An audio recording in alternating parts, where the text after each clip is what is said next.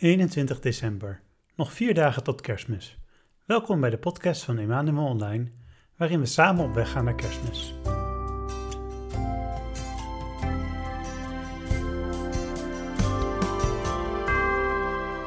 We zijn in de laatste week, uh, nee, de laatste dagen voor kerst aangekomen. Terwijl wij ons druk bezighouden met de laatste voorbereidingen, wat gaan we eten en zo, hadden Maria en Jozef een stuk grotere zorg aan hun hoofd de dagen voordat Jezus geboren was.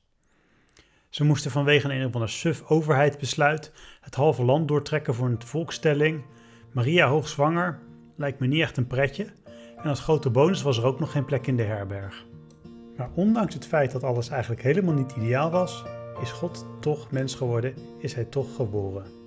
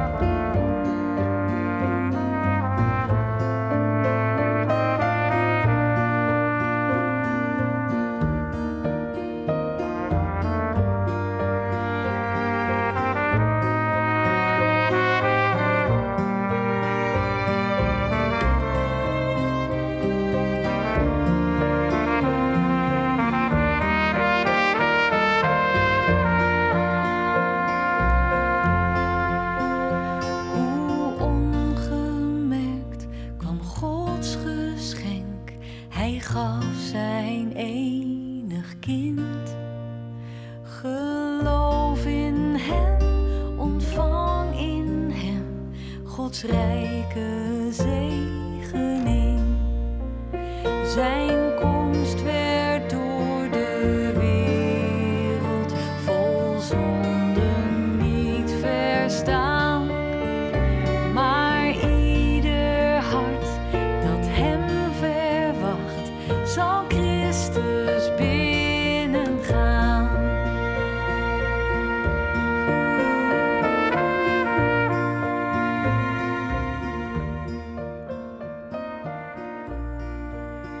Heer, ik dank u voor deze dag. Ik dank u voor de tijd die ik samen met mijn man en mijn kinderen kon doorbrengen. Dat we naar het bos konden gaan en dat de kinderen daar heerlijk hebben kunnen spelen. Heer, ik dank u ook voor deze tijd van het jaar. Voor de donkere dagen en de lichtjes buiten op straat die zoveel vreugde brengen.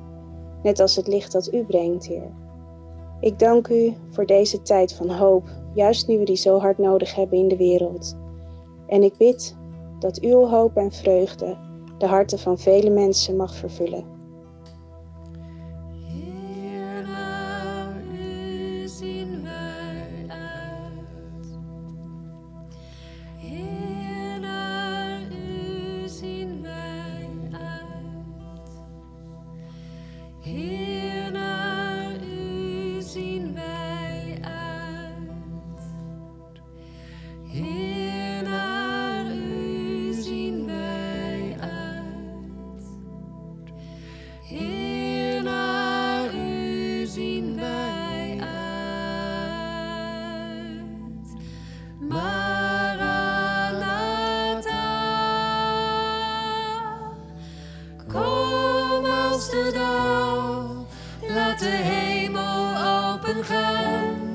Laat door de zegen van uw regen onze aarde open gaan.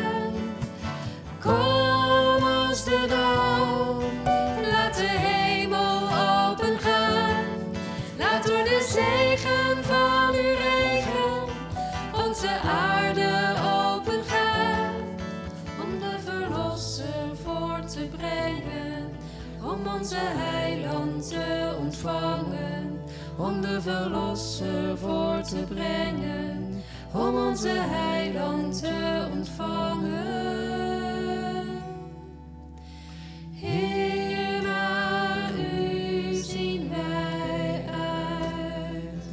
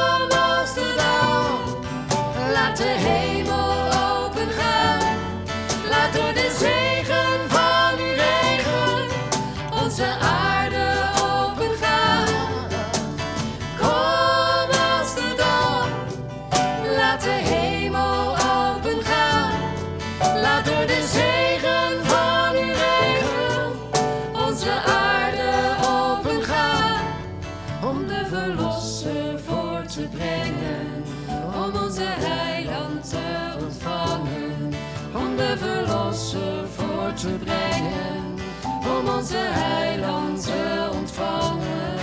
Om de verlosser voor te brengen. Om onze heiland te ontvangen. Om de verlosser voor te brengen. Om onze heiland te ontvangen.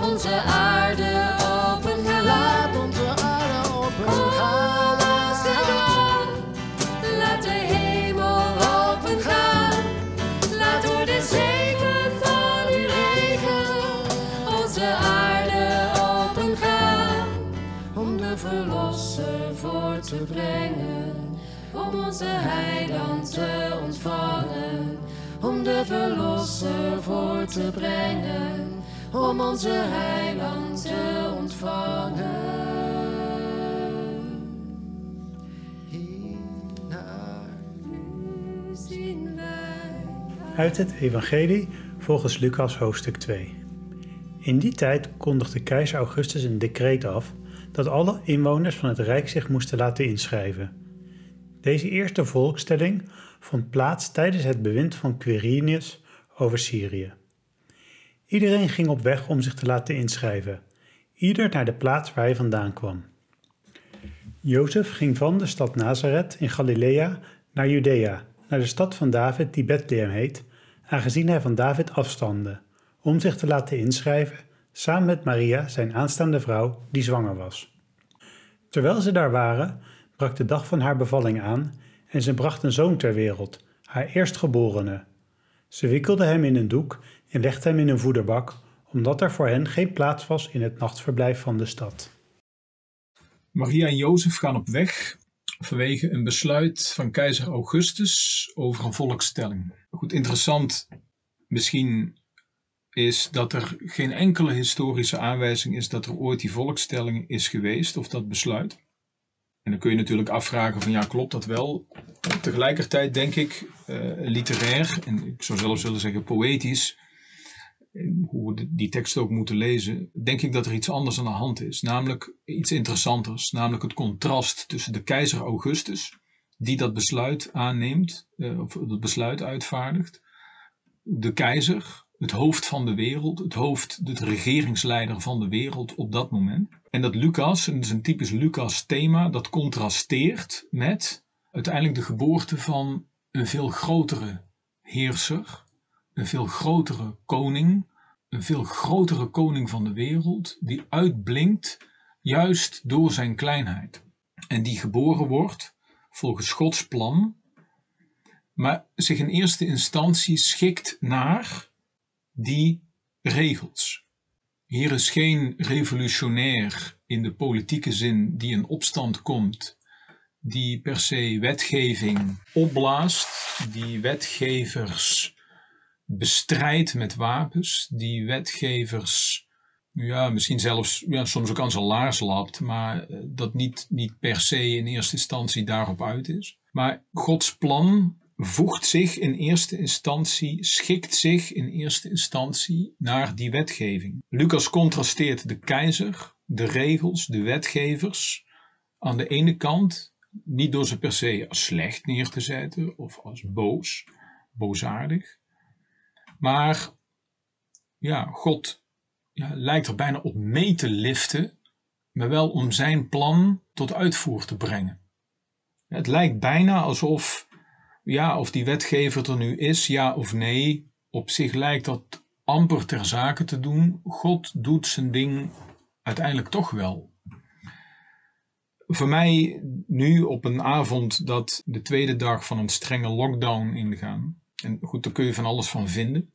Dan kun je het mee eens zijn, ja of nee. Je kunt zeggen van ja, ik lap het aan mijn laars en ik doe lekker wat, wat ik zelf wil. Of, of hè, soms ook het idee van ja, ik heb allerlei redenen om die regels aan mijn laars te lappen. En om, om ook de mazen van die wet op te zoeken. En om allerlei uh, gaatjes uh, en, en, knopjes te vinden waar ik op kan drukken om, om uh, daar lak aan te hebben. Tegelijkertijd zien we ook dat ja, God schikt zich daarnaar, ook naar die wetgever. Hij volgt hem, maar in principe het, het, zijn eigen plan gaat toch wel door. En laat zien een andere koning. Een koning die de kleinheid opzoekt, de zwakheid opzoekt. De zwakheid van het kind, de zwakheid uiteindelijk van het baby zijn. Een baby is één en al weerloosheid en één en al afhankelijkheid en één en al behoeftigheid. En zo klein wil die heerser worden. En, en die kleinheid schuwt hij niet. En in die gedaante, in eerste instantie, wil hij tot ons komen. En dat is het begin van iets totaal nieuws. En dan is aan ons de uitnodiging. Hij wil geboren worden in ons leven. Dat is die herberg, ons leven. Mag ik daar komen? En dan is aan ons de vraag van ja goed, hebben wij ruimte? Hebben wij nog plaats in onze herberg voor die koning die in ons leven geboren wil worden en die, die uh, in ons leven iets totaal radicaal nieuws wil beginnen, hebben wij er ruimte voor of zeggen we, nou ja, mijn leven is vol, want ik heb, ik heb veel te doen, ik heb een drukke baan, ik heb uh, plannen, ik heb carrièreplannen, ik heb uh, eh, levensplannen, ik heb partnerplannen, ik heb liefdesplannen, ik heb plannen voor mijn kinderen. Ik heb, alles, is, alles is volgepland, alles is dichtgetimmerd. Of zeg ik van nee, ja, ik heb eigenlijk geen ruimte, alleen het, het enige wat ik kan aanbieden is een stal, een, een, plek in mijn achtertuin, een, een varkenstrog. Ja, dat is het enige. Ja, dat, als je daar genoegen mee neemt, dan kun je dat nemen. En bieden we dat, dat schamelen dat we hebben aan, aan die God, die zegt van oké, maar dan, word ik, dan wil ik hier geboren worden en ga ik op, op dat schamele plekje dat jij me dan misschien nog aan kan bieden, daar ga ik genoegen mee nemen. En ga ik iets radicaal nieuws beginnen. Dat is aan ons de uitnodiging. Bieden we hem dat of zeggen we nee, ik zit vol, ik heb het niet nodig, het hoeft niet. Uh, ik heb het al zo druk. Of zeggen we van ja goed, ik heb een kleine opening en daar mag je door binnenkomen. En laten we ons daardoor verrassen dat daar ook in ons leven iets totaal nieuws kan ontstaan. Dat alle regels, alle planning, alle wetgeving, alle, alle, ook alle lockdown-perikelen, alle corona-perikelen totaal overstijgt. En daar ook totaal geen last van lijkt te hebben. En een flow laat ontstaan uh, die alles gaat doordringen en, en, en overal op wat voor vreemde manieren dan ook nieuw leven gaat laten ontstaan. Waar staan wij? Bieden wij die opening? Bieden wij die plek? Of zeggen we van, nou ja, helaas, het zit vol, vol is vol, het zit dicht. Dat is aan ons de vraag nu op dit moment. Gaat de deur open? Laten we hem binnen? Dat is onze vraag.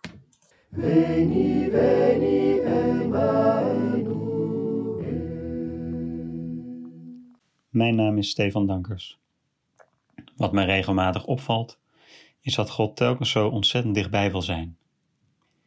In de Bijbel staan heel wat voorbeelden waar de mens het eigenlijk flink laat afweten, maar waar God steeds opnieuw weer heel dichtbij is en met liefde de gevallen mens weer overeind helpt. En dat is hoe ik kerstmis ook ervaar. God wil dichtbij zijn en is bereid om als gelijke, namelijk ook als mens, met ons te zijn. En op dat niveau tijd met ons door te brengen. Ja, tastbaarder krijg je het eigenlijk niet. Dat is wel bijzonder. Als God dezelfde wil zijn als jij en ik, minder gebrekkig uiteraard dan jij en ik, dan kan ik dus ook in jou Jezus zien. Hij is mijn naaste geworden. En als Jezus gekomen is om mij lief te hebben, mijn angsten, fouten en alles wat ik verkeerd doe op zich te nemen en een voorbeeld te geven ik mag leven om uiteindelijk gelukkig te worden, dan is kerstmis voor mij een oproep om datzelfde te proberen. Om jou ook lief te hebben. Om oor en oog te hebben voor mensen die hulp vragen. Om alleen al liefdevol naar de ander te kunnen kijken, zonder vooroordelen. Dat is best lastig. Daarom is een goede voorbereiding op kerstmis ook zo belangrijk. In de voorbereidingstijd die achter me ligt, stel ik me vragen als: Wordt Jezus alleen in de verhalen geboren? Of ook in mijn hart? Met andere woorden, omarm ik het enorme voorbeeld dat Jezus geeft en probeer ik hetzelfde te doen? Heb ik eigenlijk wel genoeg oog voor de mensen om me heen? En niet alleen dat, maar ook stel ik me open om Hem echt te ontvangen hoe weinig ik ook snap van zijn grootsheid en hem alleen maar een beetje, ja, beperkt ken. Ik ervaar kerstmis als een heel puur feest. Dat is van kinds af aan al zo. Dat gevoel had ik altijd al als ik in de stal keek die met mijn ouders staat. Het is een eenvoudig tafereel. Naast alle prettige herinneringen die bij de gezellige momenten van kerstmis horen, keek ik altijd naar het Jezusbeeldje de armen helemaal open. Hij kijkt de wereld in met een open houding. Hij wil me ontvangen. Hij kijkt naar mij en ik kijk naar hem.